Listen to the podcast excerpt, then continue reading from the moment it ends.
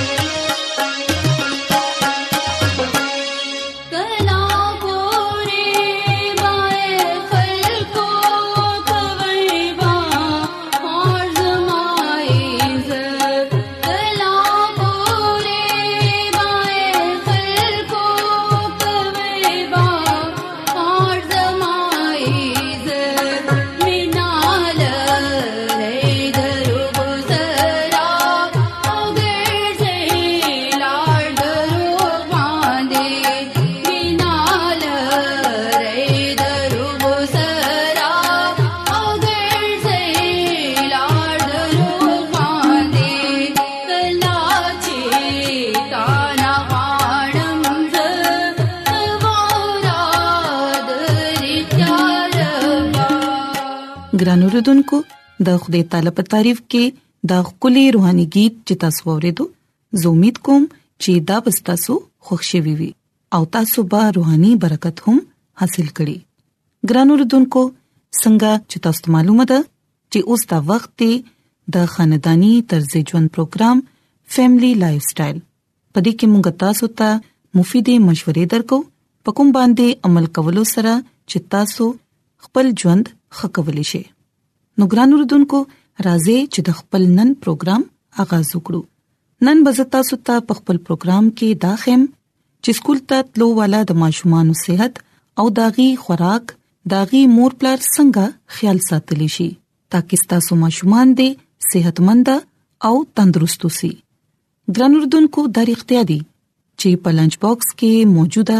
د ګرمي خوراک د ماشوم د سکول بیگ لازمی حصہ ده خو هم دغه لنچ باکس د ماشوم د خراب صحت هم ذمہ دار کې دي شي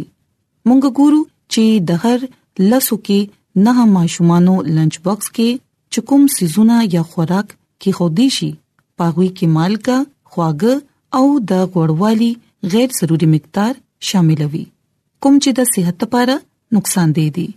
د غذایی ماهرین دا ویل دي چې خه یا خراب په اصل کې په خپل خوراک نه وي بلکې اصل خرابې د اغه زینه شروع کیږي چې مونږه اغه څنګه او په سونه مقدار کې استعمالو ګران اردوونکو بعض خلک د پروتین د غوړوالي د نشاسته او د خوګو ډیر زیات مقدار خپل دننه ساتلو والا د غذاګانی صحت لپاره نقصان دی وي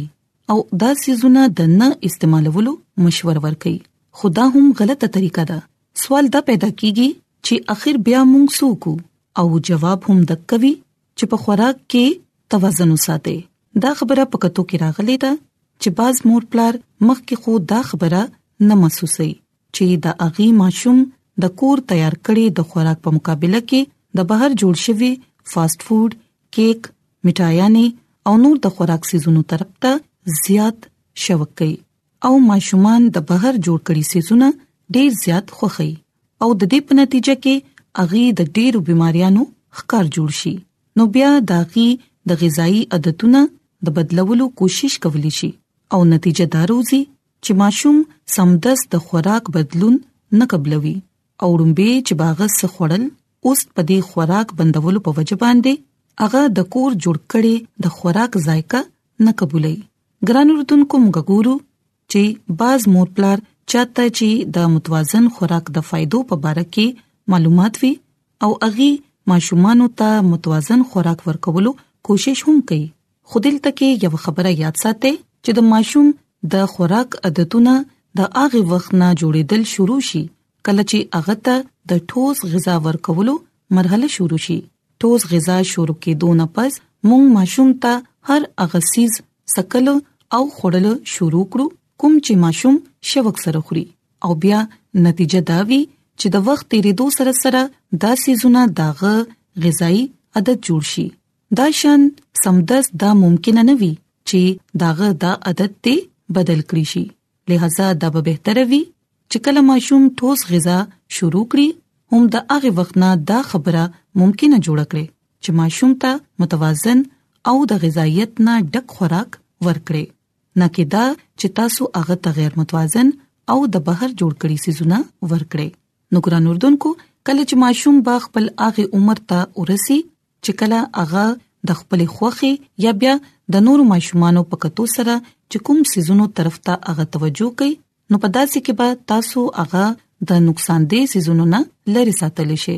نو چې دغه شان کله هغه د سکول تلو په عمر پوري د متوازن خوراک عادت شي نو بیا به تاسو دا غلنچ باکس د صحتمند خوراک نه تیارول شي یاد ساتئ چې په ماشوموالي کې د وجود د نشونما لپاره مختلف سيزونه مثلا نشاسته، خواږه، نمکيات او غوړوالي وغیرہ ډیر مقدار پوري ضرورت وي فاست فود او د بازار تیار کړي د بیکري سيزونو کې دا اجزا ډیر زیات مقدار کې موجوده وي کوم چې زموږ د بدن د ضرورت نه ډیر زیات سیواوي نو د دې لپاره کله چې په پدې کې توازن نه وي نو بیا به د صحت خرابېدل یو یقیني خبره ده باز مور پلار مخکې خو ماشومان د دې سيزونو او د بازاري شربتونو عادت جوړ کړي او چې کله بیا غیتا د خطرې احساس وشي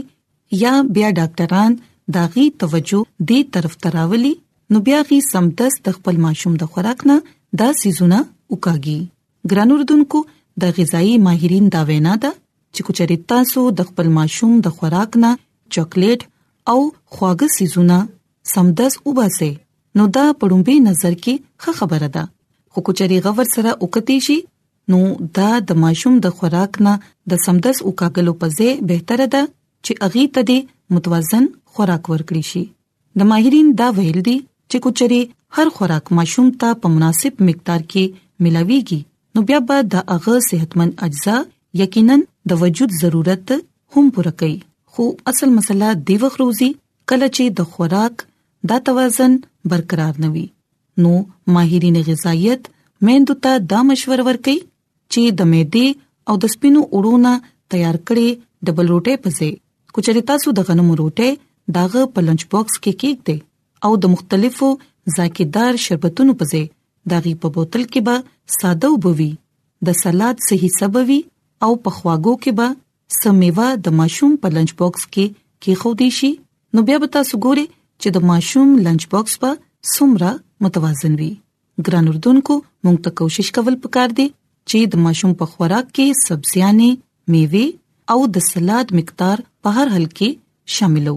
دا به نه صرف داغي جسمانی تندرستي بحالي بلکې د مزغو په چسته کې به هم مدد ورکړي ماشوم ته د ټوس غذا خورلو پاغاز کې هغه ته متوازن خوراک هم ورکوي او چې کله ماشوم سکول ته تلل شروع شي نو داغه لنچ باکس دی د سلاد د مستو سبزیانو او پکور کې جوړ کړي شوی سانډویچز او روټي وغیرہ کې خودي شي یاد ساتئ چې د ماشوم کوچري غذایی عادتونه د دې عمر نه بسهي وي نو بیا به نه صرف داغه نشونما لګیای کیږي بلکې په راتلونکي وخت کې به هم هغه یو صحتمند ژوند تیرول شي نو ګران اردوونکو زه امید کوم چې تاسو به د نن صحت خبري خوښی شوي وي او تاسو به یقینا د خپل ماشومان د غذا خیال ساتي او اغوي تبه صحت او تندرستي عطا کوي نو زموږ د دعا د چې خدای تعالی دې تاسو سره وي او تاسو له دې صحت او تندرستي عطا کړی نورازې چې اوس د خدای تعالی په تعریف کې یو کلی روحاني गीत وورو زه خو بای صاف سي بازم هاغه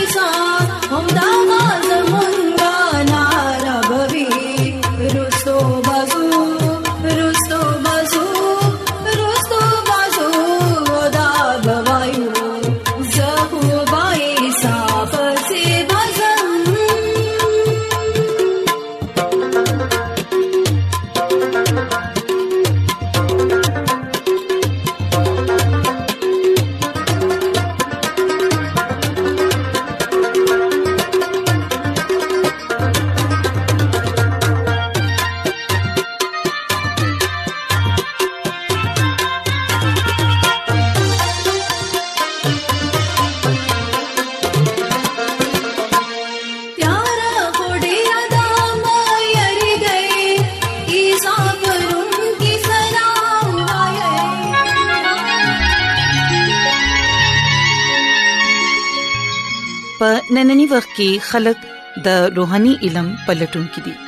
هغوی په دې پریشان دنیا کې د خوشاله خوښش لري او خوشخبری دادا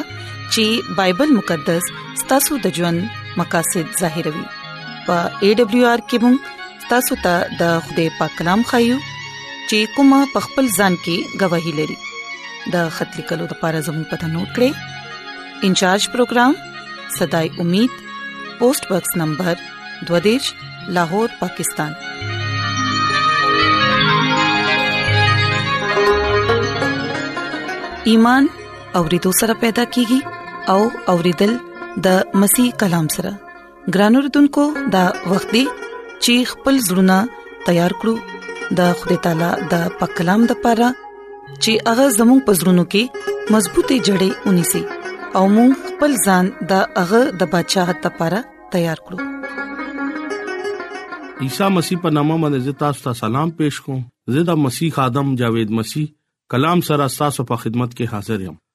زه د خدای تعالی شکر ادا کوم چې نن یو ځل بیا تاسو په مخ کې کلام پیښ کول شم ګران اوردونکو راځي خپل ایمان مضبوطه او ترقه د پاره د خدای کلام با اورو نن د بایبل مقدس نه چې کم خبره مونږه ایزدا کو هغه د کلام مقدس تبديل کیدی نشي لکه انجیل شریف بدلیدي نشي ګران اوردونکو کله چې مونږه د بایبل مقدس نوې لوزنامه لکه عہد جدید د پترس رسول اولنې خط دغه سوال لسم آیت او پنځشم آیت ګورو نو دلته دا لیکل دي چې هر بشر د واخه پشانته او دغه ټول شان او شوکت واخه او ګل واخه خو به اوچی او ګل به وغورځيږي د خدای کلام ابد قائم او دائم بای داغه خوشخبری کلام دی او تاسو د پاره مونږه وایو د خدای کلام ویلو باندې د خدای برکت وي امين مونږ دا بایبل مقدس د دې حواله نه ډیر واضح خبره تعلیم اخلو چې د خدای کلام ابد پورې قائم او دائم وي د خدای کلام ابد قائم پاتې کېدو د دې خبره ثبوت دی دا د خدای کلام دی او ابد پورې قائم بوي د خدای کلام په دې خبره باندې ثبوت دی چې خدای کلام لا تبديل کلام دی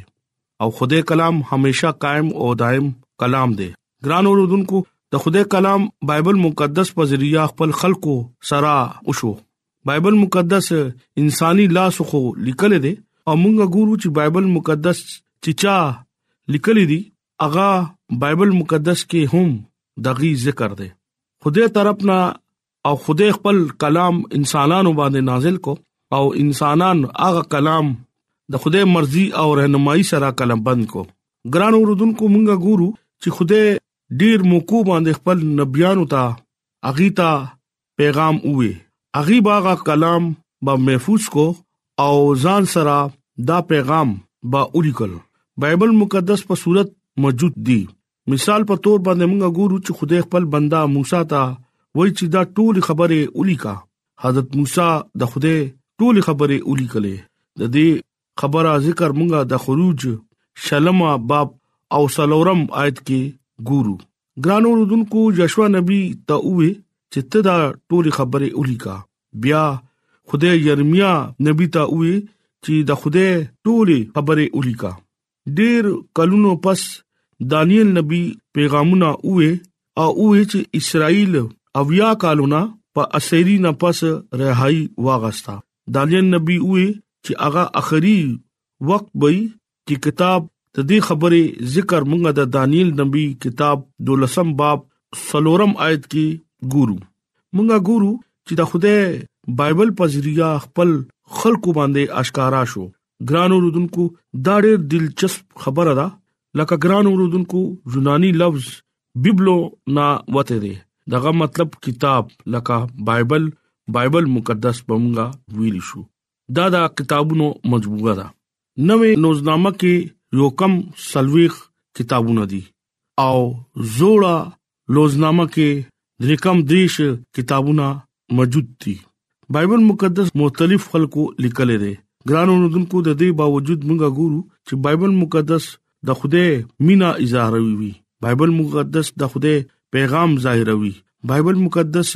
حقیقت د خوده کلام دی د خدای आवाज دی بایبل مقدس د خدای فضل دی عیسی مسیح په وجا په مونږ باندې دا اشکار وشو یاد لرئ دا بایبل مقدس د خوده لا تبديل کلام دی بایبل مقدس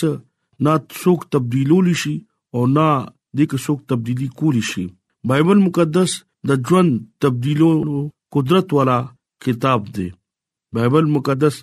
د انسان ژوند بدلوي چې کم خلک خدای خواته راتلی شي هغه د بایبل مقدس پذریریا د خدای आवाज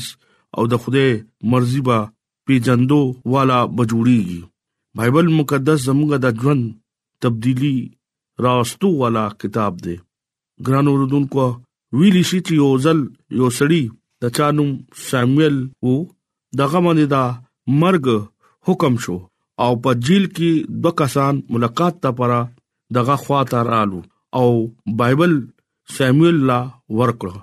هغه په غوسه کې وو نو هغه دومره غوسه کېو چې هغه دیوار سره